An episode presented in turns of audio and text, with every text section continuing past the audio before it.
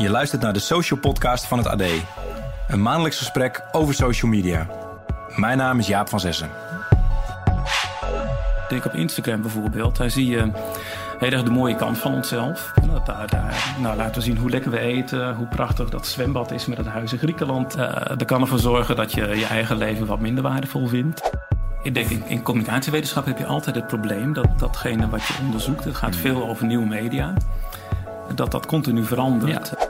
Maar dat met die data ook de data van de hele vriendennetwerken werden binnengehaald. Um, dat was bekend? Ja, dat was al wel lang bekend. Uh, waar universitaire docenten worden, worden beoordeeld uh, op allerlei criteria, waaronder hotness. Kun je met uh, rode pepertjes kun je dat aangeven. Wow. Kan leuk zijn of niet.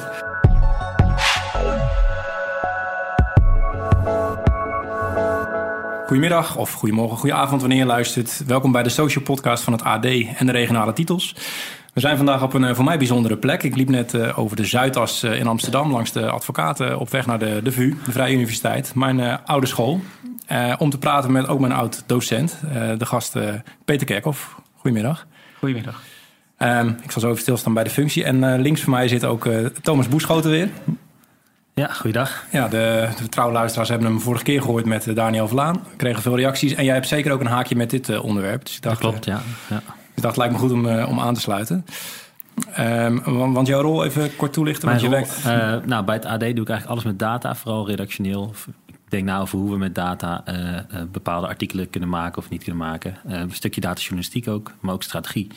En uh, bij de universiteit doe ik wat onderzoek naar sociale media, maar dat is niet op het niveau van een hoogleraar in ieder geval. Nee, en dat is de Universiteit Utrecht, hè? Ja. En daar heb je de Data School opgezet. De Utrecht Data School, ja, een paar jaar geleden. Ja, en kun je kort aan de luisteraars uitleggen wat het doet? Ja, wat we eigenlijk doen is, uh, we, we laten studenten onderzoek doen voor bedrijven, uh, organisaties, et cetera. En vaak met een datacomponent, af en toe social media, ook andere data. Dat is in de notendop. Dus we hebben vanuit die rol heel veel sociale media in kaart gebracht, eigenlijk gevisualiseerd, uh, dat soort dingen. Hm. Ja komen we zo zeker nog op terug. Want een hoogleraar social media voor de luisteraar, wat, uh, wat houdt die functie in of die titel? Nou, die kun je op heel veel verschillende manieren invullen. Uh, wat het voor mij concreet betekent, is dat ik uh, veel bezig ben met, met onderzoek naar sociale media. En daar gaan we het nog verder over hebben, denk ik. ik geef een les in. Ja. In ieder geval in communicatiewetenschap in den brede en, en over sociale media specifiek. En, en ik ben ook nog hoofd van mijn afdeling. Dus dat betekent dat ik heel veel tijd zitten vergaderen. En uh, moet kijken hoe we deze afdeling uh, succesvol kunnen laten zijn. Is de titel ook echt professor sociale media, zeg maar? Ja. Want ja. je, je, zou verwachten dat het dan uh, professor media studies is en dan met een soort specialiteit of zo, maar dat. Nee, nou, ik zie mezelf altijd als een hoogleraar communicatiewetenschap mm -hmm. met als specialisatie social media. het is volgens mij op het formulier staat sociale media als naam van de leerstoel. En ja. dus de eerste in Nederland, begreep ik. De eerste in Nederland, uh, de, zeker wat betreft de naam. Als je ziet van welke hoogleraren zich, of hoeveel hoogleraren zich ermee bezighouden, dan is dat veel meer dan, dan ik alleen. Ja, dat is zo'n zo gangbaar onderzoeksthema geworden binnen communicatiewetenschap en ook wel daarbuiten. Dus in die zin ben ik lang niet de enige. Want in die zin haak ik gelijk de, de eerste vraag aan. We hebben gelukkig ja. veel vragen gekregen via Twitter. Ja. Yoshi Tuk die vroeg waarom is een hoogleraar social media eigenlijk nodig? Ja, en er stond bij van social media maken altijd een deel uit van een groter geheel. Precies, ja. Ik denk dat je uh, in de wetenschap toch heel snel specialiseert. Je gaat je richten op een bepaald specifiek thema. En uh, dus alle leerstoelen die we hier hebben en ook aan andere universiteiten, die vallen onder communicatiewetenschap. En je doet het altijd in een bepaalde context. Maar je richt je wel ergens op één specifiek onderdeel. En bij mij is dat vooral sociale media. Uh, wat niet betekent dat je, dat je alles wat, wat daar omheen hangt niet mee zou nemen. Hè. Dus het zou heel merkwaardig zijn wanneer je onderzoek doet naar sociale media, dat je niet ook kijkt wat er in de traditionele media komen. Al was het maar omdat die binnen social zo'n grote rol spelen. Hè. Er wordt heel veel gepraat over wat we lezen in de ouderwetse krant. Uh. Ja. Maar ik, ik, heb het gevoel dat het voor ons allemaal vrij evident is waarom er een professor sociale media zou ja. moeten zijn. Maar stel je zit nooit op sociale media en je hebt echt geen verstand van. Hoe, hoe gaan we het dan uitleggen? Wat, wat is het belang van jouw rol. Ja. Dat, dat begint denk ik bij het uitleggen wat het belang is van sociale media. Als je, en dat kun je uitleggen aan de hand van heel veel verschillende domeinen. Dat kan gaan om uh, het meest in het oog springen op dit moment, denk ik, uh, is de rol die het speelt in politieke campagnes. In de, de verkiezing van Trump uh, is natuurlijk daar een heel groot in geweest. Uh, de, de, enorme misleiding die uh, plaatsvindt via sociale media. Dus dat laat heel duidelijk zien wat de negatieve consequenties zijn. En ook hoe grote gevolgen daarvan kunnen zijn. Dus het speelt denk ik een heel belangrijke rol in ons maatschappelijk leven. Maar er zijn ook mensen die zeggen dan ja, maar dat is maar sociale media. En, en dus, er speelt nog zoveel meer. Waarom, waarom is sociale media dan zo belangrijk in die, bijvoorbeeld in de verkiezingen? Ik denk wat sociale media doen is uh, de, de boel heel geopend zetten. Dus dat betekent dat iedereen met bepaalde motieven, uh, goed of slecht, uh, kan sociale media gebruiken om bepaalde inhoud te posten, om invloed uit te oefenen. En dat was voorheen was natuurlijk veel meer afgesloten. En had je veel meer gatekeepers, zoals het heet. En journalisten die in de gaten houden wat er in de krant komt of niet, wat er op tv komt. En dat is tegenwoordig ligt heel anders. En je ziet ook de, de sociale media bedrijven pakken die rol niet zo snel op als sommigen zouden willen. En ik denk, want vroeger had je inderdaad krant, radio, tv... dat er dan ook wel mensen zullen zeggen... ja, maar social media, dat, is maar, dat blijft toch altijd maar een klein clubje. Is dat nog zo? Nou, dat is, dat is zeker niet het geval. Hè. Er zijn heel veel mensen, als ik kijk hoeveel mensen gebruik maken van Facebook... Hè. in Nederland zijn het 10 miljoen, wereldwijd meer dan 2 miljard. De een veel actiever dan de andere natuurlijk, maar... En vergeten nog was WhatsApp en zo. Hè? Ik bedoel, WhatsApp is groter dan Facebook en is eigenlijk ook sociale media. Zeker. Hè? Voor een deel is het gewoon de sms, zeg maar. Maar er, gebeurt heel veel in groepen daar. En, uh, ja. Tegenwoordig ook veel klantcontact bijvoorbeeld voor bedrijven. Ja, want dat is inderdaad wat ik me afvroeg. Ja, hoogleraar social media. Uh, het klinkt voor sommige mensen misschien heel specifiek, maar voor mij eigenlijk nog vrij breed.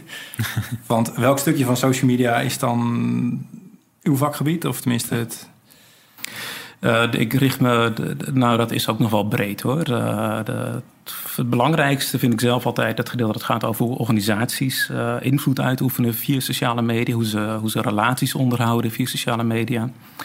maar ik doe ook wel onderzoek naar nou, zeg maar het compulsief of het overmatig gebruik van sociale media door individuen.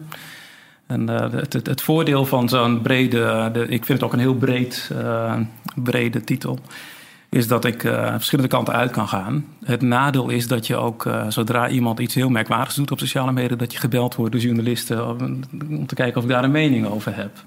He, dus wanneer iemand uh, nou live wordt vermoord op Facebook, wat wel eens gebeurt, mm -hmm. dan krijg je erover een telefoontje. Um, wanneer iemand zijn ede delen laat zien op, op Instagram, dan krijg je erover een telefoontje. De, het, het, zijn heel veel, er gebeurt heel veel wat raakt aan allerlei zaken uh, waar ik dan ook niet heel veel verstand van heb. En, ik heb wel verstand van de communicatie van organisaties. Dus daar gaat het mij vooral om. En het overmatig gebruik van sociale media, wat je net noemde, zeg maar, hoe erg is het, uh, hoe erg is het gesteld in Nederland? Ik denk als je aan jongeren vraagt, dan geven ze zelf heel vaak aan dat ze zichzelf verslaafd vinden. Dus dat vind ik altijd wel een belangrijke indicator. Um, zelf ben ik al een beetje voorzichtig met de term verslaving. Uh, mm. Dat, dat mm. zou ook betekenen dat je dan, uh, wanneer je ermee ophoudt, dat je allerlei uh, verschijnselen krijgt, omdat je het even niet meer kunt. En nou, daar hebben we er wel last van natuurlijk. wil graag, wanneer we niet online kunnen, dan vinden we dat vaak heel ongemakkelijk. Wanneer ik mijn mobiel vergeten ben tijdens een wandeling, dan voel ik het ook als ongemakkelijk. Mm. Dat is nog wat anders dan een verslaving, denk ik. Maar we maken er echt heel erg veel gebruik van. En je ziet ook wel dat het bij veel mensen bepaalde dingen die we ook belangrijk vinden in de weg kan zitten. Slapen bijvoorbeeld. Uh, dat gaat vooral over jongeren, denk ik. Um, huiswerk doen. Mhm. Ja, dat zijn heel, heel duidelijk uh, ja. domeinen waar je last van kunt hebben. je zou nog kunnen zeggen, twintig jaar geleden hadden we andere afleidingen die ons van huiswerk en slaap afhielden. Is er nu iets wezenlijk anders? Ja, je hebt het altijd bij je. Het, het, zit in je broekzak, het trilt, het uh, probeert op allerlei manieren om je aandacht te krijgen. Dus al die notificaties, en je kunt van alles uitzetten, maar dat doen we in het algemeen niet. En dat zorgt ervoor dat je, dat je nou, bijna de hele tijd bezig bent met uh, in ieder geval via een soort achtergrondprogrammaatje in je hoofd op te letten of er wat binnenkomt. En wat er binnenkomt, dat kan ook iedere keer toch weer spectaculair zijn. Of in ieder geval van enig sociaal belang bijvoorbeeld, hè, als het gaat om vriendennetwerken.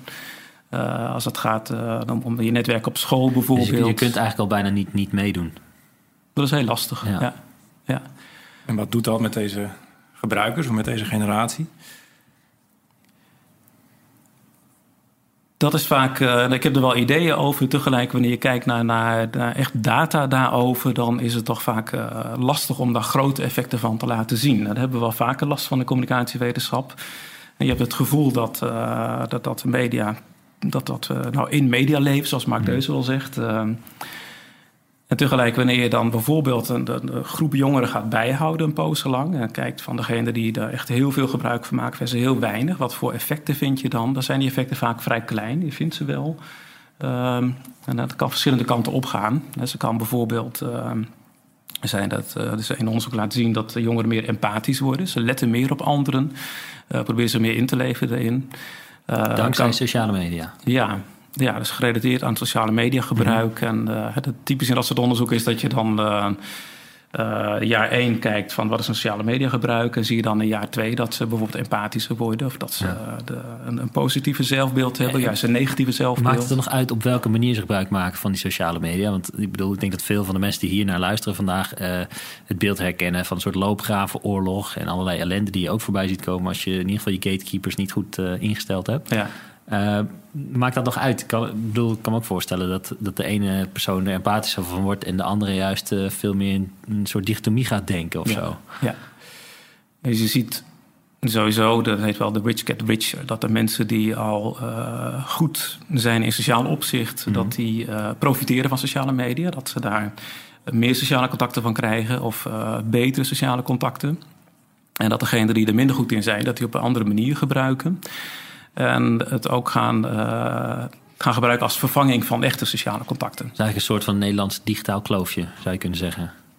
Dat is een soort van digitaal kloofje. Ja, ja meestal gaat het dan over, uh, over opleidingsniveau bijvoorbeeld. Ja. Hè? De, maar het, het, is wel een verlengstuk van hoe je bent als persoon. En een verlengstuk van je sociale leven. En uh, wat je in, sociale, in die, je offline sociale leven hebt. Voor zover je ja. daar nog over kunt spreken. Dat tref je ook aan in, in hoe je gebruik maakt van sociale media. Ja. Zijn de, wat zijn de laatste uh, en belangrijke wetenschappelijke onderzoeken of, of, conclusies die getrokken zijn op dit gebied? Wat ik een, een, belangrijke vond, de, ik let er vooral op van, van zijn dat heel bijzondere onderzoeken, die bijzondere data met elkaar weten te combineren. En een hele mooie vond ik uh, een onderzoek waarin men de, de end-survey data heeft. Dus dat je mensen een aantal keren interviewt maar ook tegelijk de echte Facebook-data hebt. Dus het is heel moeilijk voor mensen om zelf uh, terugkijker aan te geven van hoe vaak maak je gebruik van sociale media. Dat zit overal zo tussendoor. Ja. Dat je graag zou willen weten van uh, hoe vaak liken ze iets, hoe vaak klikken ze op iets. En uh, het laatste onderzoek dat ik zag dat het op die manier gedaan heeft, liet zien dat hoe vaker je dingen liked en ergens op klikt, hoe slechter het is voor je, voor je mentaal welbevinden. Dus je ziet dat die en mensen hoe, hoe dat zich minder, minder, minder uit, goed gaan voelen. Mentaal welbevinden. Uh, is dat wat mensen zelf rapporteren of merk je dat aan? Dat, dat is zelfrapportage. Ja. Dus, uh, maar daar heb je heel veel, heel veel gebruikte schalen voor. Mm. Hè? De, de, zeg maar, onze geestelijke gezondheid uh, is, is toch vrij goed te meten met vragenlijsten. Ja. Veel meer dan ons klikgedrag. Maakt het dan ook nog uit of je Instagram gebruikt of Facebook of Twitter of WhatsApp of iets anders? Zie je daar nog verschil in? Dat nou, ik, ik, ik, denk, ik denk wel dat het verschil er is. Ik denk dat je die verschillende sociale media voor verschillende doeleinden gebruikt. Ik denk op Instagram bijvoorbeeld. Daar zie je heel erg de mooie kant van onszelf. En daar, daar nou, laten we zien hoe lekker we eten. Hoe prachtig dat zwembad is met het huis in Griekenland uh, waar we op vakantie zijn. Uh, dat kan ervoor zorgen dat je je eigen leven wat minder waardevol vindt. En minder boeiend vindt dan dat van anderen. En dat is weer anders dan wat je, wat je weer in WhatsApp ziet gebeuren, bijvoorbeeld. Uh, dus tegelijk zijn er niet heel veel onderzoeken die dat heel direct met elkaar vergelijken. Mm-hmm. dus je, hebt, je hebt voor elk wel een stapeltje onderzoek, uh, of een, een, grote stapel onderzoek. Hè. De, maar directe vergelijking zie je wat minder. En het hangt ook heel erg af van hoe je het weer gebruikt. Op mm. Instagram kun je toch ook weer heel verschillende dingen gaan volgen. En uh, het, het, zit heel erg in, in uh, hoe jij als gebruiker ermee omgaat, meer dan in deze media zelf, denk ik. Want hoe, over hoeveel onderzoeken praten we in een jaar of zo? Want ik merk het in de media, we werken bij het AD, mm -hmm. niet heel vaak dat er onderzoek is van nou, dit heeft aangetoond dat Instagram gebruik goed, slecht voor je is. Of dat, het, weet je, dat er echt wetenschappelijk iets ja. bewezen wordt. Is dat omdat het nieuwste niet is of omdat het niet de, de media bereikt? Oh. Of is dat misschien een conclusie die ik trek die niet klopt? Er zijn, uh, ik krijg Iedere week krijg ik allemaal uh, feeds binnen van, van nieuwe, nieuw onderzoek. En dat zijn iedere week zijn dat er uh, meer dan 100. Oké. Okay. Dat gaat allemaal over social media? Dat, gaat allemaal over social media. Uh, soms is het heel technisch. Hè. Er zijn heel veel onderzoekers die bezig zijn, vooral in, in, de informatica, die bezig zijn met manieren om social media in kaart te brengen. Mm -hmm. uh, Dus dat is heel technisch. Uh, en voor een deel is het sociaal-wetenschappelijk, psychologisch ook. kan gaan over, de, over bedrijven en social media. En het zijn er iedere week zeker 100 en, en ik denk eerder 200. ik denk ook wel dat het een, een, steeds makkelijker is geworden. In die zin dat je kunt sociale media steeds makkelijker scrapen of binnenhalen, mm downloaden.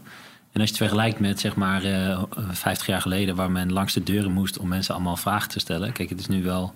Het is een beetje lui, maar het is uh, eigenlijk ook een vervanging van het foxpoppen. Dat je dus, uh, ja, je gaat gewoon wat data downloaden en daar conclusies uittrekken. Dus het, het, maakt onderzoek heel makkelijk. Ik denk dat dat ook een beetje het, misschien wat gevaar is van wat je in sociale media onderzoek ziet dat, dat, dat het zo makkelijk is geworden om het te onderzoeken dat men niet meer goed nadenkt over: oké, welke vraag willen we nou eerst eens beantwoorden? En daarna gaat kijken welke data welke gegevens heb je daarvoor nodig? Ja, die social media onderzoeken die ik dan wel lees, die zijn mhm. vaak niet wetenschappelijk uh, goedgekeurd. Dat is dan een bedrijf dat zelf uh, iets doet. Uh, en de kunst is juist als wetenschappelijk wel wordt bewezen, ja, dan wordt het wel interessant. En dat, ik weet niet of jij dat herkent, Thomas. Nou ja, ik, ik zie dat, dat het wel.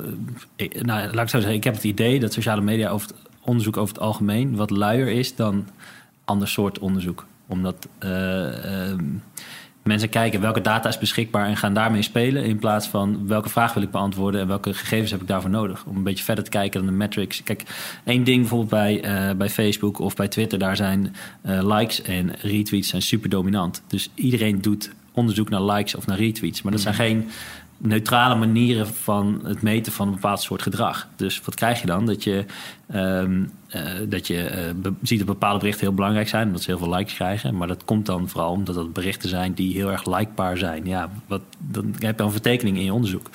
Dus eigenlijk, uh, het nodigt uit tot een beetje luier onderzoek. Ben ik een beetje bang voor soms. Maar ik weet niet hoe jij dat ziet als jij die honderd voorbij ziet komen elke week. Hoeveel er, ja, hoeveel er goed zijn en hoeveel... Nee, de, voor mij is dan de, de iedere keer uh, de zaak om te kijken wat daar binnen de goede onderzoeken zijn. Hè. Dus er vaak, de ene manier om te doen is kijken wat zijn de echt goede bladen waarin het onderzoek uh, verschijnt. En uh, daar kom je niet zomaar binnen met, met even een gemakkelijke analyse van wat wordt geliked en wat niet. Mm. Dat kan ook heel relevant zijn trouwens hoor. Als je wilt weten van wat is nou voor, voor een organisatie content die in ieder geval voor zorgt dat mensen iets ermee doen. al was er maar een like dan kan het wel belangrijk zijn om dat ook een keer systematisch te doen en eh, te kijken naar verschillende soorten van organisaties. Um, maar je zoekt vooral maar uh, naar artikelen waarin uh, nou heel grootschalig social media analyse plaatsvindt. Mm En dat zijn dan toch vaak de, de, de universiteiten in de buurt van Silicon Valley. Uh, de universiteit met veel geld, met goede contacten met Facebook en Twitter. En daar zie je toch, toch heel grootschalige en belangrijke onderzoeken. Als het gaat om, om echt het analyseren van social media data. Dus bijvoorbeeld over het verspreiden van fake news. Uh, daar is net een heel mooi artikel over verschenen. dus verder is ook heel veel onderzoek dat helemaal niet gebruik maakt van social media data zelf. Gewoon ouderwets surveyonderzoeken, longitudinale uh, analyses. Uh, experimenteel onderzoek. Uh, mijn eerste social media onderzoekje was. Uh, Twitter kwam op een gegeven moment op. En je zag dat bedrijven actief werden. Webcare heb ik altijd een heel interessant iets gevonden. En je nam een tweet en je maakte er een tweede versie van. Dan had je een experiment. Dan liet je afzendende groepen mensen zien. En dan kon je zien wat, wat die daarvan vonden. Dus dat type onderzoek, dat doe ik zelf inmiddels steeds minder. Maar dat zie je ook nog wel veel. En dat, dat is ook nog wel belangrijk, denk ik. Ook een beetje om uit die media te komen en te kijken, de, de aan te vullen in ieder geval met data over wat mensen ervan vinden. Mm Over jouw eigen onderzoek gesproken, want je bent natuurlijk hoogleraar sociale media. Maar toen ging ik jouw publicatielijst bekijken en viel me al heel snel. Ja, we zijn toch, we zijn van het AD natuurlijk, dus je wist misschien wat dat dit ging komen. Maar de relatie tussen uh, uh, het kijken van pornografie en, uh, en, en huwelijken en hoe die, hoe die gaan. Ik weet niet of dat het onderzoek is waar je het meest trots op bent, maar hij viel wel meteen op. Hij is opvallend inderdaad. Uh, wordt ook best wel goed geciteerd. Uh, nee, het is een onderzoek uh, dat deel uitmaakt van een onderzoekslijn. er is een onderzoek geweest waarin pasgetrouwde stellen langdurig werden gevolgd. Mm -hmm. Die werden vijf, zes keer geloof ik in een aantal jaren tijd geïnterviewd. En een van de vragen die daarin meeliep de, was het gebruik van, van nou, porno in het algemeen. Of online porno, weet ik niet eens meer uit mijn hoofd. Het is een poosje geleden alweer. En, uh, dus we hebben gekeken naar wat, wat doet dat met uh, de, nou, ik weet niet eens uit mijn hoofd wat de afhankelijke maten daarin waren, maar zeg maar de kwaliteit van je relatie. En? En uh, je zag dat het bij mannen op een gegeven moment wel iets afdoet aan die kwaliteit. eh. Als je, als, je, als je veel porno kijkt, of als je weinig porno kijkt, of als je. als je er veel naar kijkt. Ja. dus een man die Ja. veel naar porno En, en, kijkt, die heeft een slechtere, een slechter huwelijk. Nou, wat je. Nou, dat- dat, dat is een heel. heel Ik dwing je naar een. eh, We zoeken de kop over dit ja, weten. ja. We zoeken de kop over artikel. hè? Nee, het, het ging sowieso om verschil tussen eh, de- helemaal niet en, en een beetje. En dat is misschien ook sociale wenselijkheid. En Mensen zullen niet snel invullen dat ze dat eh, de, de, iedere dag doen, bijvoorbeeld. Kan ik me voorstellen. En het gaat dan om verschillen die je vindt. En die zijn altijd in dit soort onderzoek vaak vrij klein. De, de, de- een poos later. En een half jaar later, bij het volgende interview, zie je dan dat degene die het wat meer gebruikte, de relatie wat minder waarderen. En dat is wel wat we daarin vonden. Maar hoe, hoe, hoe beïnvloedt het een het ander? Is het dan een slechte relatie leidt totdat mensen meer porno gaan kijken of andersom? Uh, de, andersom. Ja, dat is in het algemeen wel wat we in, de, in de, die reeks van onderzoeken vonden. Is dat, uh, dat uh, het ging voor een deel ook over compulsief internetgebruik, uh, noemden we het toen. Mhm. Minder over sociale media. Ja. De- en daar zien we ook een, een gevolg van mediagebruik uh, voor de relatie in plaats van andersom. Ja. Wat je ook kunt voorstellen. Hè? Dat je, ik merk dat jullie even afleidt van het porno-onderzoek. Maar Ja, ja. ja daar komen we zo weer terug. ja, ja. Je kunt je voorstellen dat, uh, dat wanneer je een slechte relatie hebt, dat je vaker het internet op gaat en iets doet in ieder geval uh, waar je de relatie kunt ontwijken. Mm. Dus het hoeft niet eens porno te zijn, zeg maar. Nee, dat kan van alles zijn. Ja, ja. Uh, porno heeft natuurlijk wel specifieke kenmerken die ervoor kunnen zorgen dat je, dat je in relatie, dat je daar bepaalde dingen minder aantrekkelijk gaat vinden. Ja, precies. Ja. Maar dat, dan, als we over Facebook praten, dan denken we al van oké, dus inderdaad, dan is er onderzoek geweest en dan past bijvoorbeeld Facebook zijn algoritme aan zoals nu. Bij het AD verliezen we eh, nou ja, procenten aan, eh, aan bezoek. Ik kan me ook voorstellen dat een MKB dan net gewend is van nee, dat is leuk, dan verschijn ik in mensen's eh, timeline en dan vervolgens doet Facebook iets waardoor je minder getoond wordt. Ja, dat is een probleem. En dat is ehm, voor het AD een probleem, maar ik neem ook aan voor de wetenschap, want dan heb je net een artikel af en dan wordt dat veranderd. En Bram Koster vroeg zich dat onder andere af. Maar wacht heel even, maar dan heb je ook gewoon geen goed artikel gemaakt als het daar afhank, van afhankelijk is, toch? Is dat zo? Ik weet niet. Nou ja, als, als, je, als, je, als, je, als je de resultaten van je onderzoek niet meer kloppen nadat het algoritme van Facebook wordt aangepast, Ik dan, denk als je afgelopen zomer iets gepresenteerd hebt over de Facebook en eh, dat een like zin heeft en nu verlies je gewoon echt tientallen procenten aan bezoek, ja. ja, dan heeft dat misschien dan, dan heeft dat effect, denk ik. Ik denk in, communicatiewetenschap heb je altijd het probleem dat datgene wat je onderzoekt, het Hmm. gaat veel over nieuwe media, dat dat continu verandert. Ja, en, eh, dus je hebt wel als taak om ervoor te zorgen dat je eh, met theorieën komt die, die, eh, die nou, heel, dat specifiek wat je onderzoekt een beetje overstijgt. Hmm. Ja. En, ehm, dus de, de, bijvoorbeeld in het KLM-onderzoek, wat we daar laten zien dat wat KLM daar bewerkstelligt aan reputatieeffecten, dat het uh, voor een belangrijk deel tot stand komt doordat ze als meer menselijk worden ervaren. En ik denk wel dat dat iets, iets algemeens is in sociale media, dat je als bedrijf ervoor kunt zorgen dat je die afstand die je hebt, uh, je zit daar in dat grote glazen kantoor ergens en die consument die zit overal op een grote afstand. Dat je de afstand kleiner maakt, dat je de benaderbaar wordt, uh, dat je gezien wordt als iemand die grapjes maakt. En dat je, is universeel ook al verandert Facebook iets, zeg maar. Dat, dat is uh, stabieler dan, uh, ja. dan zeg maar de, de exposure die je krijgt wanneer ja. je een bericht post. Uh, hè, doordat het algoritme ja. inderdaad bepaalt van aan hoeveel mensen het voorgeschoteld wordt. Maar jij wilde naar een vraag van Bram. Nou, Bram, Bram Koster die zei: ehm, klopt het dat de wetenschap achterloopt de actualiteit bij online content? überhaupt, vraag 1, is het zo? En, en ten tweede, hoe ver lopen ze dan achter? Het is. Ik denk dat in bepaalde opzichten uh, de, loopt dat achter in die zin dat de, de, de voor een artikel uit is. Mm -hmm. Duurt het een hele poos. De luisteraar heeft misschien geen idee. Hoe lang, hoe lang is dat ongeveer? Twee jaar. Ja. Nou, dat kan twee jaar duren. Ja, dat kan ook nog wel eens langer duren. Uh, het kan ook zijn dat je data al een poosje hebt liggen... en op een gegeven moment weer uh, denkt... Van, oh, we zouden nog wat over schrijven. Ja. Maar dat is eigenlijk inherent aan de wetenschap ook. Hè? Ik bedoel, tenzij je zulk baanbrekend onderzoek doet... dat je op alles vooruit loopt... loop je in principe altijd achter. Mhm. Mm -hmm. Um, maar dat betekent niet dat, nou kijk, als we hem een slimme vraag stellen over de huidige ontwikkelingen, dan zal hij er antwoord op kunnen geven en zal het relevant zijn. En relevanter dan iemand die er geen onderzoek naar gedaan heeft, natuurlijk. Zo is het ook alweer. Ja, dat zijn puur over die publicaties die twee jaar duren.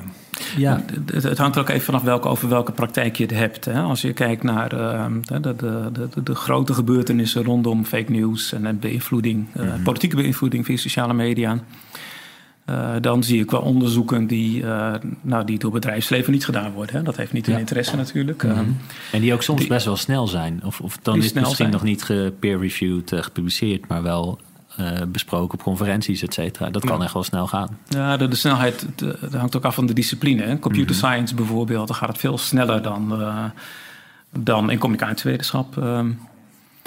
En, en, en, daar zie je wel onderzoeken waar, uh, nou, waar, waar, echt vrij spectaculaire dingen gedaan worden op, op hele mooie data.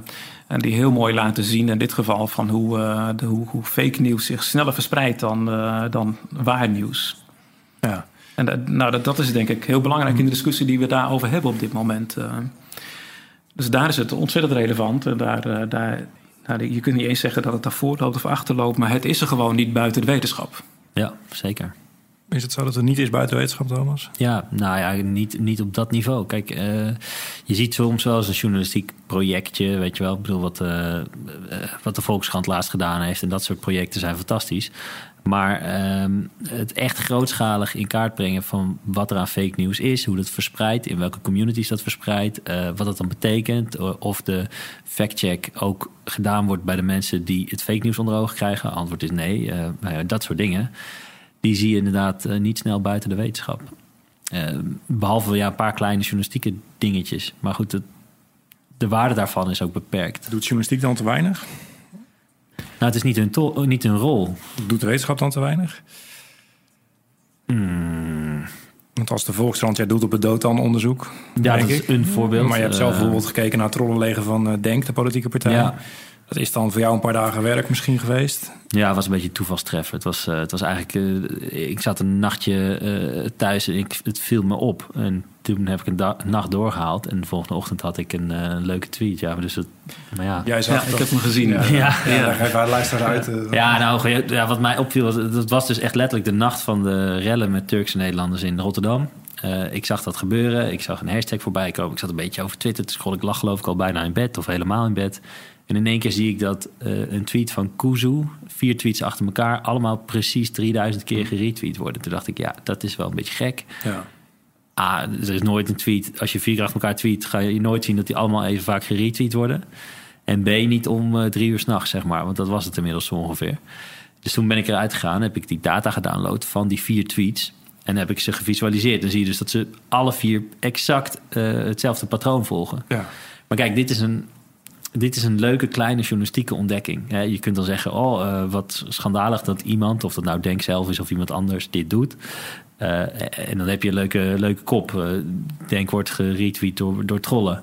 Maar afgezien daarvan vertelt het ons nog niet iets structureel over, over politiek, behalve dat er af en toe een, een ertussen zit, zeg maar.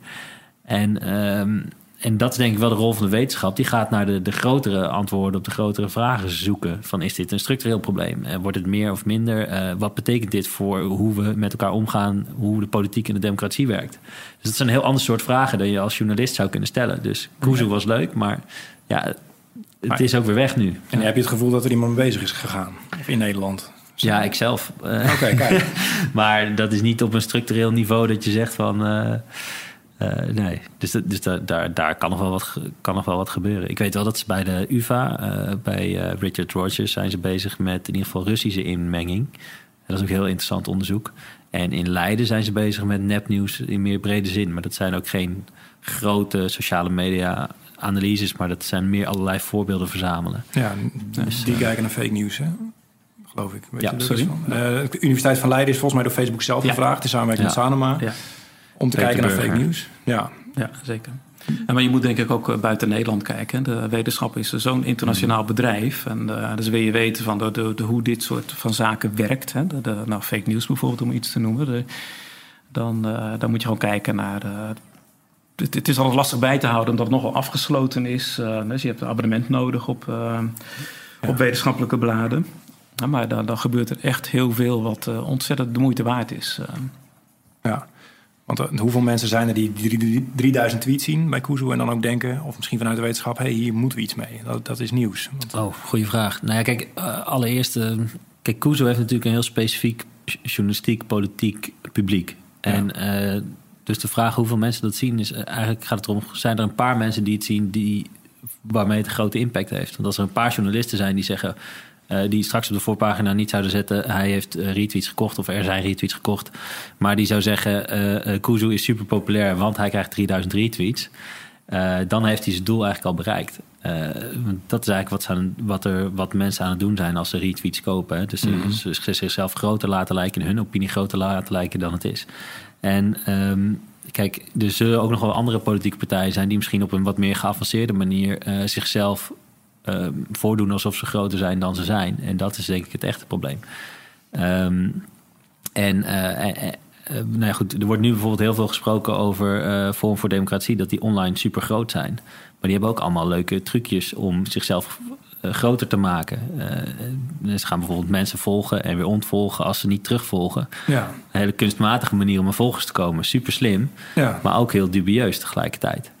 Dus, um, dus nou ja, goed. Dus ja. Uiteindelijk uh, krijg je op die manier een soort, soort vertekend beeld op sociale media. En waar sociale media vaker voor gebruikt wordt. Het is geen foxpoppen. Je bent niet willekeurig mensen aan het spreken. Nee, je ziet een soort vertekening van mensen die kunstmatig het beeld van zichzelf groter en kleiner hebben, of kleiner hebben gemaakt. En wat denk ik ook een probleem is, is dat Twitter het meest openbaar is. Dus journalisten gebruiken Twitter mm -hmm. ook heel graag, omdat je daar kan meekijken. Terwijl er eigenlijk veel meer mensen op Facebook zitten. Alleen die doen het achter een, een hekje, zeg maar. Dus achter een gesloten mm -hmm. account. Dus die data heb je niet, waardoor het heel vaak Twitter-onderzoek wordt. Ja. En misschien een met alle vertekeningen van dien. Precies. Ja, ja. Dat is de, de, zoektocht van de dronkenman. Uh, die zijn sleutels die die kwijt is alleen maar onder de lantaarnpaal. Zoekt, want daar is het licht. Hè? Ja, dus, ja. Uh, de, het kan ook niet anders, toch? Tegelijk is, is de, de, de publieke... Het is nu heel erg aan het veranderen. Uh, tot spijt van heel veel onderzoekers. Maar de, er is Facebook ook relatief open wanneer het open is. Hè? Dus de publieke pagina's, die mm. kon je heel goed scrapen. Mm -hmm. En um, dat is snel aan het veranderen. In die zin dat je niet meer daar de, de, de profielen bij krijgt. Bijvoorbeeld ja, scrape is opslaan, hè? Ja. ja. ja. ja. En zo moet je het hebben van en, betaalde tools En eigenlijk is dat ook wel goed. Behalve dan dat de macht om dit soort dingen goed te onderzoeken... dus bij Facebook komt te liggen. En ja. uh, terwijl het juist wel mooi is als de wetenschap daar wat mee kan. Maar goed, zoals de wetenschap iets met die Facebook-profielen kan, kan Cambridge Analytica het ook. Dus in die zin zou ik zeggen, het is goed dat het afgesloten wordt. Ja, dat, uh, actueel thema nu. Hoe, uh, hoe heeft u dat hele Cambridge Analytica verhaal gevolgd? Nou, met, met heel gemengde gevoelens. Aan de ene kant verbaasd over de verbazing.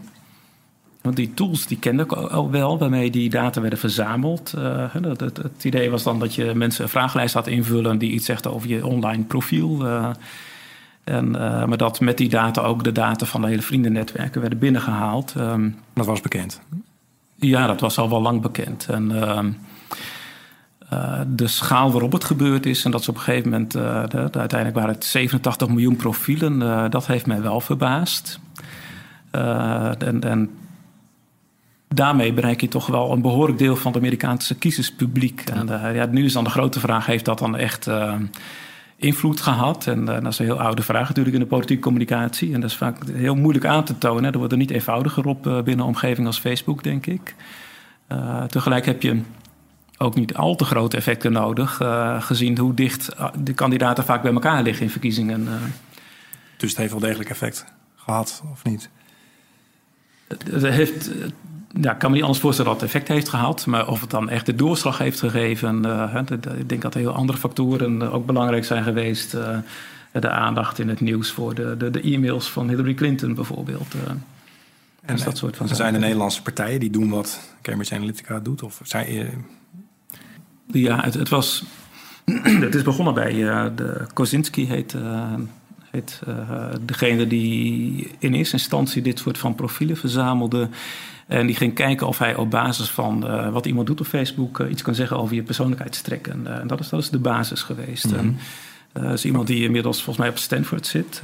Toen ook met de pet op van, van hoogleraar of professor of wat? Ja, hij, was, hij is niet eens hoogleraar, okay. denk ik.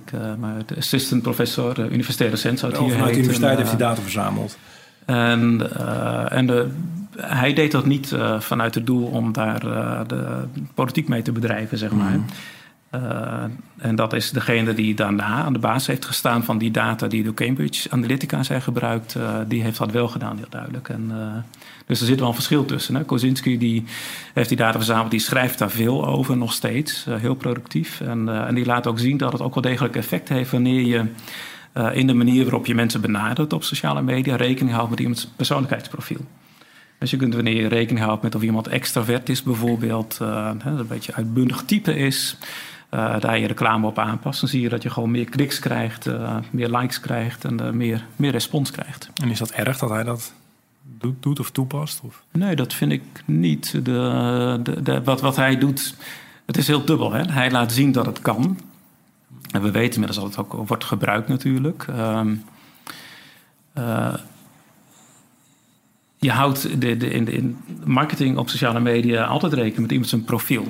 En de vraag is hoeveel je daarin mag gaan voordat het uh, dubieus wordt. Hè? Maar Facebook heeft onze enorme lijst van voorkeuren die we hebben. En daar wordt op ingespeeld. Je kunt een vrij precies ja. groep definiëren die je wilt benaderen. En eigenlijk is dit al een jarig plaat, iets wat al jaren plaatsvindt. Ja. En het is eigenlijk heel, je zou kunnen zeggen, het is heel hypocriet dat we er nu moeilijk over gaan doen, omdat toevallig Trump aan de verkiezing heeft geholpen. En omdat toevallig de Russen het zijn die die advertenties hebben ingekocht. Ik denk dat dat wel meespeelt in onze reactie erop. Uh, de meeste mensen hier, uh, maar op veel andere plekken ook, vinden de verkiezingsoverwinning van Trump uh, niet een positief iets. Um, ik denk wel dat het de, de, deel van de verontwaardiging is. Uh, van dat, dat er buiten Facebook inmiddels zulke grote datasets bestaan over, uh, uh, over, over mensen die binnen Facebook een profiel hebben en die daar, daarvan geen weet hebben. En, mensen hebben heel weinig weet van de enorme handel in data die plaatsvindt. En maar in die zin heeft dit dat probleem wel fantastisch op de kaart gezet. Want dit probleem was Absoluut. natuurlijk al langer. Werd door, bedoel, we, hebben net gezien hoe breed dat ingezet wordt. En eigenlijk is het goed dat het nu maatschappelijk eindelijk uh, voor een beetje discussie zorgt. En voor gevolgen. Hoewel we tegelijkertijd, tenminste, ik heb het idee dat Facebook er niet heel erg zwaar onder leidt. Behalve een klein reputatiedeukje. De beurswaarde is weer terug op het oude niveau. Ja, is weer terug op het oude niveau. ja. Precies. Er is trouwens wel nog een vraag die misschien heel goed hierbij aansluit. Uh, van Leon Gerrits, uh, Jaap. Uh, waar begint en stopt de verantwoordelijkheid van het platform? Haatreacties, foto's van creditcards. maar goed, dan heb je het dus ook volgens mij over de verantwoordelijkheid over die data, ja. zeg maar. Mm -hmm. Wat zouden we daarover kunnen zeggen? Dat het een... Het, het, gemakkelijke antwoord is van ja, ze moeten veel meer verantwoordelijkheid nemen. En, uh, en niet zeggen we zijn een neutraal platform en wij delen wat mensen de, bij ons posten en wij kijken er verder mm -hmm. niet naar. Um, ze moeten meer verantwoordelijkheid nemen, maar tegelijk zijn daar ook wel grenzen aan. En uh, dat, het mooiste zag je dat geïllustreerd in Duitsland, uh, waar op een gegeven moment die verantwoordelijkheid bij de social media bedrijven is neergelegd. En dan zie je dat, uh, dat, dat Twitter gaat besluiten of een bepaalde politieke opvatting die door een politicus wordt geuit, of dat door de beugel kan of niet. En, zo, en dat laat zien, denk ik... Het andere uiterste eigenlijk. Dat zouden ze dus niet moeten doen, zeg je? Ik denk, uh, de, de, er zijn duidelijk voorbeelden van dingen die niet mogen volgens de wet. Mm -hmm. ja, dus de haatzaaien... Maar Twitter is internationaal. Dus welke wet volg je dan? De lokale wet, uh, denk ik. Hè? Dus de, de, de, Twitter in Nederland moet zich houden aan de Nederlandse wet. Maar ook binnen hoeveel tijd? Hè? Want soms duurt het twee dagen voor als je iets gerapporteerd hebt. Ja. Uh, voordat Twitter ingrijpt. Maar in die twee dagen is het al geëscaleerd. Nee, zeker. Uh, dat, het is echt geen gemakkelijke opgave. En mm -hmm. je ziet wel dat er echt heel veel mensen de, voor die social media bedrijven. we hebben net een paar heel mooie verhalen gezien in de krant daarover. Hè, hoe, dat, -hmm. hoe dat in zijn werk gaat. De mensen die voor Facebook alle content gaan bijhouden. En, -hmm. en heel snel moeten reageren om dat te verwijderen. En uh, dat dat in de niet al te prettige omstandigheden zagen we in die krantenberichten vooral. Mm -hmm. Mensen die op een gegeven moment uh, alcohol mee naar binnen smokkelden om de, de dag nog een beetje draaglijk te maken. Zo, ja. en, maar er zijn wel heel mm -hmm. veel mensen mee bezig mm -hmm. vanuit social media bedrijven. En dan gaat het meer, het is voor de hand liggend dat je, dat je kinderporno filtert. En dat wil je niet op sociale media hebben staan of waar dan ook online hebben staan. Um, als het gaat om politieke opvattingen, daar is het veel lastiger. Ja. Um, en uh, daar kun je niet al te veel verantwoordelijkheid neerleggen bij, die, uh, bij deze bedrijven, denk ik. Hoe moeten we het dan oplossen? Zoals we het op andere manieren ook oplossen, doordat we de, een, een, wet hebben. Mm. Waaraan we ons dienen te houden. En uh, dus als het haatzaaien is, dan, dan, dan kunnen we daar aangifte van doen. En dan gaat iemand daar naar kijken. ja. ja. Het is alleen minder snel dan.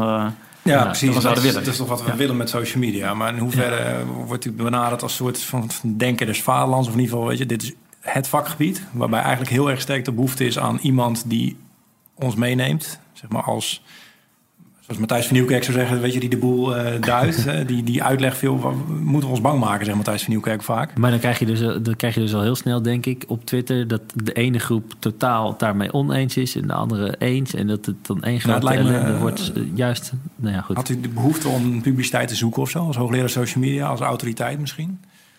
Of, of voelt u een rol voor uzelf? Nou, ik heb dat... dat uh, mij dat de afgelopen tijd wel afgevraagd. Uh, ik, ik, heb me er niet heel erg in gemengd. Politieke communicatie is ook niet mijn vakgebied. Hè? dat, dat, dat, maakt ook wel weer uit. En, uh, en dat tegelijk zijn de, de, fenomenen waar het over ging. Uh, het verspreiden van fake news zijn veel algemener dan alleen politiek, denk ik. Um, ik heb me er niet heel erg in gemengd. Ook omdat ik het heel erg druk heb met allerlei andere zaken. En vanuit het perspectief van bedrijven, zeg maar. Want dan, ik bedoel, ik kan me voorstellen dat KLM ook wel eens... Uh, we hebben het vaak over KLM gehad vandaag. Ja. Uh, KLM ook wel eens iets tegenkomt van een of andere klant... die gewoon verontwaardigd is en boos is... en een of ander verhaal opschrijft waarvan de helft op zijn minst verzonnen is. Hoe, ga je daarmee, hoe gaat een KLM daarmee om? Doen die dan ook meteen aangifte? Of...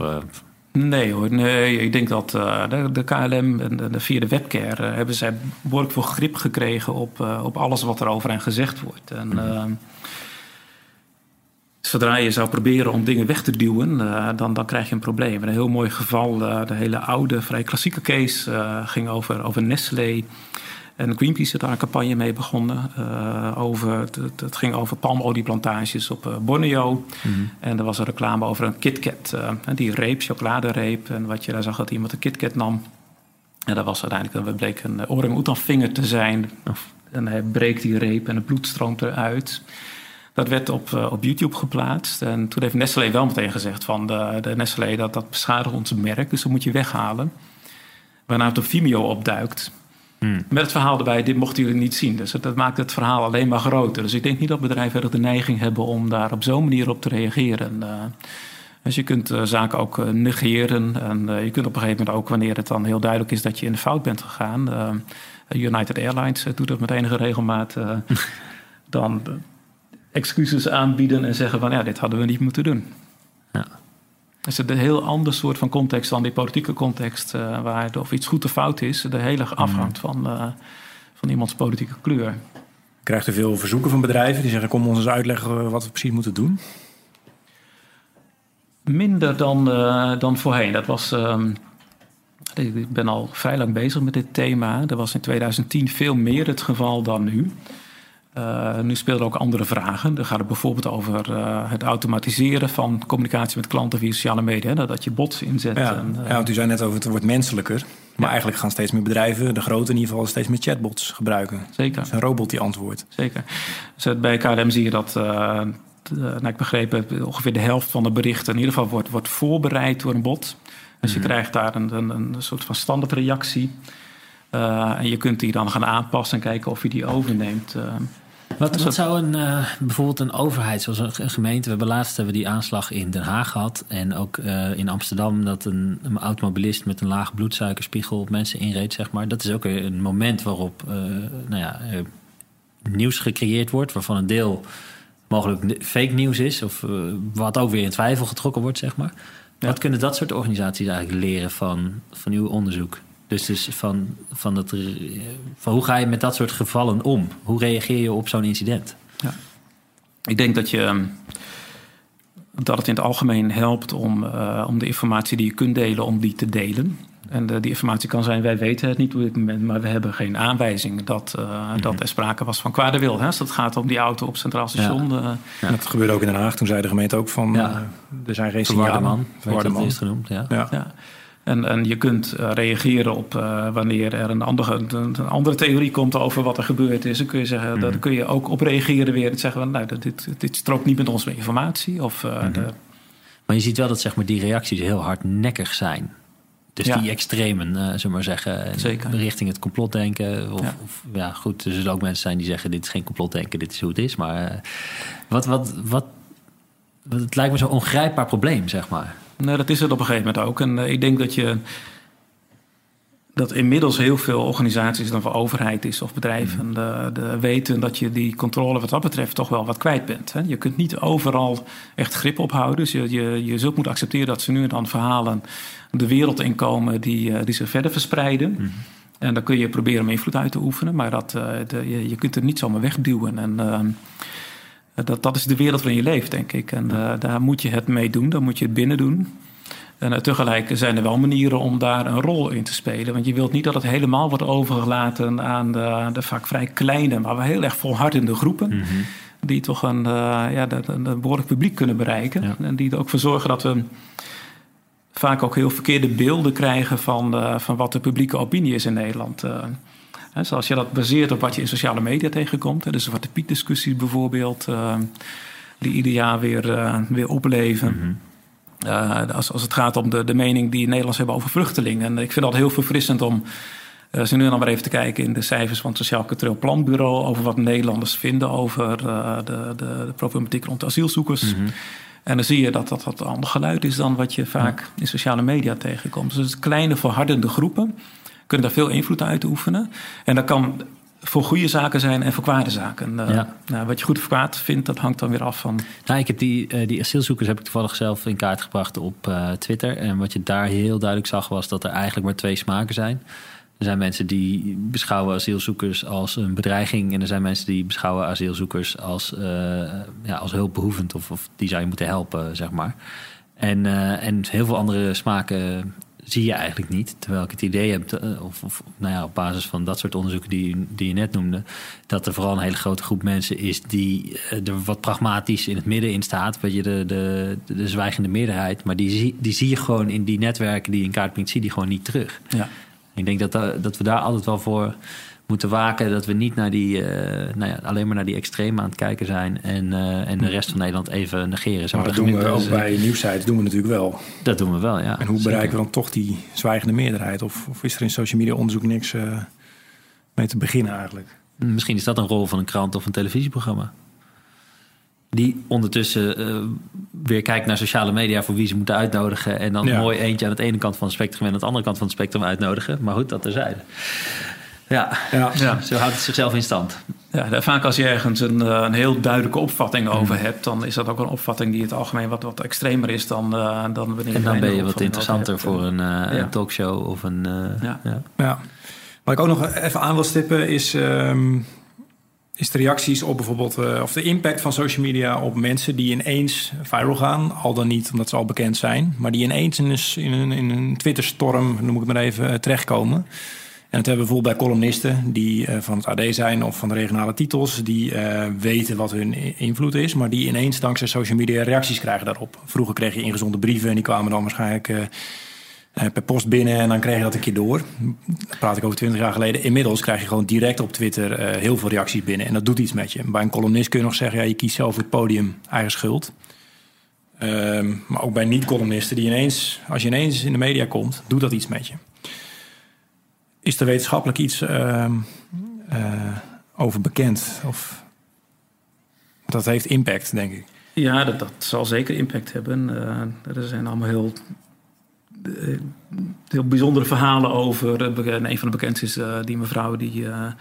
En de, de, ik weet niet meer precies wat de inhoud was van die tweet, maar de stuurde een tweet. de wereld in vlak voor ze het, het vliegtuig instapte. En dat had iets te maken, ja. ze ging naar Zuid-Afrika.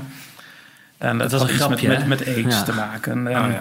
Een, ehm, ongeluk, een erg ongelukkig grapje was dat. Het was heel ongelukkig. En ging over, ja, volgens mij zei ze iets van... Uh, ik stap nu in het vliegtuig, bid voor me... want ik ga naar Afrika, wie weet kom ik terug met aids. Zoiets was het toch? Iets dergelijks. Ja, En, uh, dat was ook geen goede grap. Nee. En, en uh, dus die mevrouw die zit daar heel lang in, in het vliegtuig. En, en, en die landt ja, en die, die ziet haar mobiel ontploffen, denk ik. ja. Want die ging dus viral, ja. En de, Nee, dat, dat, eh, nee daar, hoef je geen onderzoek voor te doen. Uh, daar weet je wel van mhm. dat dat uh, een heel vervelende impact heeft op zo iemand natuurlijk. Ja. En, maar ironie is ook gewoon lastig op sociale media. Wat voor de een heel grappig is, kan voor de ander heel ja. kwetsend zijn. En, mm.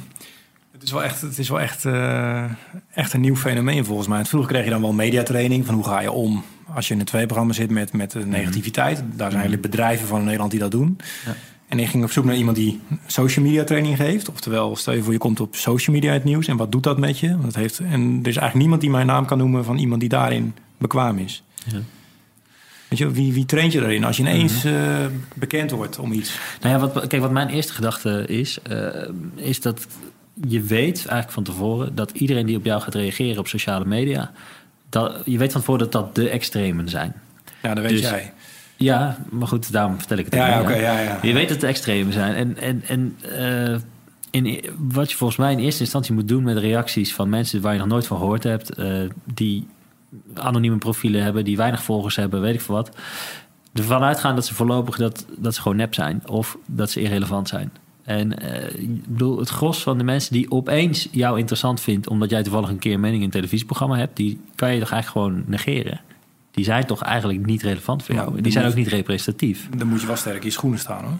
Ja, klopt. Maar als je sociale media een beetje, nou ja, een beetje geanalyseerd hebt en je ziet die extremen die er zijn. Eh, het is altijd de mondige uh, burger die vooraan staat, of de mondige digitale burger die vooraan staat om op jou te reageren. Dat is niet, uh, dat is niet de gemiddelde Nederlander of zo. Mm. Dus, dus dat maakt het wel dat je het een beetje kunt nuanceren of relativeren eigenlijk.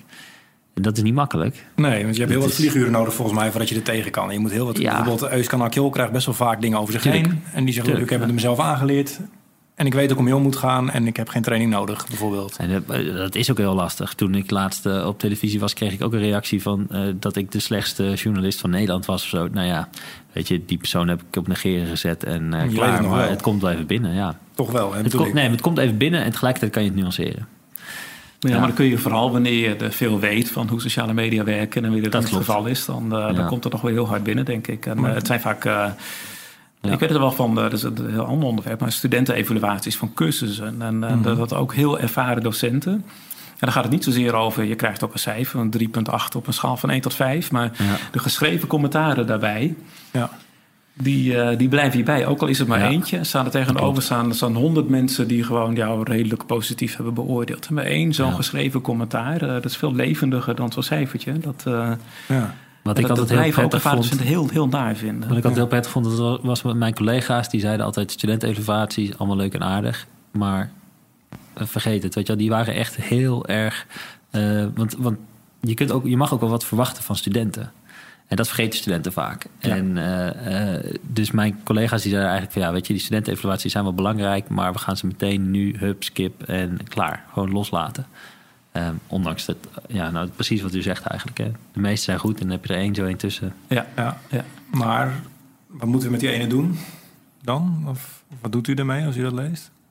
Raakt nou, ik weet niet wie het is. Uh, de, nou, als, als het uh, levendig genoeg is geformuleerd, dan, uh, dan vind ik het wel vervelend. Ja. Ja. ja. En dan is het nog niet eens social media. En, en ik heb daar, mm. ik heb het zelf niet zo vaak. Um, maar ik zie wel collega's die, die dat veel meer hebben. Ja. En die echt hun stinkende best doen om heel goed onderwijs te geven. En daar zitten een paar.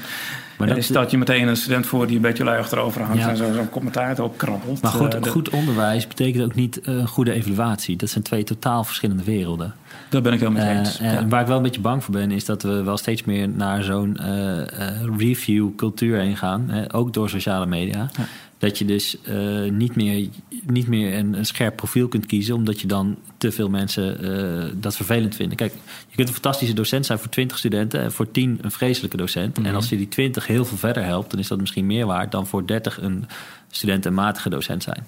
En uh, nu loop je het risico afgerekend te worden op die 10 die het dan niet leuk vonden, zeg maar. En, en, en met TripAdvisor en weet ik veel, dat soort platformen. Nou ja, wordt op den duur alles uh, gereviewd. Uh, RateMyProfessor.com is een, uh, bekende site in Amerika... waar, ja.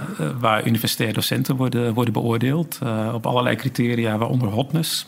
Kun je met rode pepertjes kun je dat aangeven. Wow. Kan leuk zijn, of niet? Nee, dat ja, als je het geluk hebt. Hè? hotness, hè? Ja. Maar ik kom het wel tegen wanneer wij sollicitanten hebben. Die krijgen we vaak van over de hele wereld, wanneer wij een plek hebben dan, uh, en je googelt naar iemand, dan zie je dat soort van profielen wel verschijnen. Ja, vreselijk. Maar kijk, dat is het, het uh, kijk ik, ik snap nog dat je een, uh, een of andere showbiz-ster misschien op hotness gaat uh, beoordelen. Want dat zijn mensen die hebben ervoor gekozen. Maar een professor die staat er maar voor één ding. Hij of zij. Dat is voor goed onderwijs en goed onderzoek. Dat zijn dus eigenlijk twee dingen. Maar dat, zijn, dat is waar je voor bent. Je bent er niet om een of andere entertainment show te geven. Nee, maar het is, een, uh, het is denk ik uh, de, de, manier van... Ik weet niet welk bedrijf achter, achter deze, deze website mm. zit... maar om, om de site interessant te maken. Uh, dat valt mm. wel op tussen de andere beoordelingssites. Dan zijn er meerdere. Mm. Tja. Ja, want dit, uh, dat hele reviewverhaal is misschien leuk voor de mensen die aan het strand gaan zitten en die het boek nog niet gelezen hebben. De Cirkel van Dave, Dave Eggers. Wordt ook wel, ja. Nou ja, de een noemt het heel erg makkelijk opgeschreven, maar ook wel 1984 van George Orwell van nu uh, genoemd. Het beschrijft eigenlijk wel het toekomstbeeld waar we naartoe gaan. Het noemt, benoemt ook heel erg dat ja. de raten en zo. Er is ook een waanzinnig goede Black Mirror aflevering uh, over. Ja, Met, ja die ken ik. Echt fantastisch. Maar ja, dat uiteindelijk daar, daar dingen naartoe gaan. Ja, het sociaal kredietsysteem in China wordt ook vaak op die manier over gesproken. Ja. ja jij hebt ook veel met data gedaan. Mhm. Het is misschien ook wel leuk om nog heel even kort te beschrijven. Uh, wat kun je onderzoeken aan openbare data? Dus uh, ik heb zelf uh, nou ja, ook wel met jou samengewerkt met de retweet-netwerken. Ja. dus wat, wat twitteren mensen? tegen wie praten ze? Over welke, welke sites retweet wilden ze het meest? -hmm. Heb je daar nog een paar voorbeelden van? Ja, als je het, als je het specifiek over dat soort onderzoek hebt, zeg maar zeggen. nou ja, kijk laten we dan teruggrijpen naar dat fake nieuws. een van de dingen waar ik zelf naar gekeken heb, is waar wordt fake nieuws überhaupt verspreid? Mm -hmm. En dan zie je wel gewoon dat er een, uh, een deel van de Nederlandse Twitter-sfeer is waar fake nieuws heel dominant is. En een deel waar het bijna niet voor, of relatief weinig voorkomt. En uh, dan ben ik wel benieuwd, wat zegt het dan over de mensen die dat verspreiden? Wat zegt het over fake nieuws dat het in bepaalde kringen dus uh, heel goed gedijt en in andere niet? Um, uh, wat zegt het over onze maatschappij? en wat zegt het over mediawijsheid? dan dus? Ja, het zijn kwalitatieve vragen met een kwantitatieve insteek. Want ja, je, je, combineert eigenlijk altijd die twee. Ik, bedoel, ja. ik weet niet hoe het bij jouw onderzoek zit, maar ik zoek altijd naar een, een kwalitatief uh, slag voor al het kwantitatieve ja. wat we doen en andersom. Ja, ja ik denk dat. Uh, ik ben zelf de, bijna volledig kwantitatief. Mm -hmm. Maar hoe meer ik social media data zelf analyseer. Uh, hoe meer kwalitatief het wordt eigenlijk. Hè? Ja. Die slag zit er op een gegeven moment altijd in. En wat je anders ook tot heel verkeerde conclusies kunt komen. Absoluut. En, ja. Wanneer je dat niet doet. Ja. Oké, nou ik wil, uh, ik wil afronden. We kunnen natuurlijk nog allerlei voorbeelden en zo, uh, zo erin. Gewoon iedereen die vragen heeft gestuurd, uh, de social podcast via Twitter of via Jaap van op Twitter, heel erg bedankt. We zijn niet aan allemaal toegekomen. Dat betekent niet dat de vraag niet boeiend was, maar dat we door onze tijd heen zijn. Um, ik vond het leuk om terug te zijn op de VU. Dit keer niet als student, maar als podcast-host voor het AD. Bedankt Peter voor het ontvangst. Thomas, bedankt dat je aan wilde schuiven. Dankjewel, ja. Wie weet tot de volgende keer. We gaan het even, uh, even het evaluatieformulier afwachten. Trek het je niet aan als het iets negatiever is.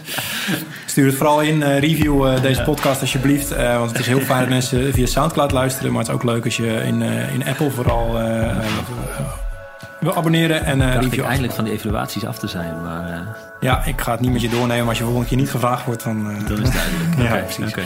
Bedankt en tot de volgende keer.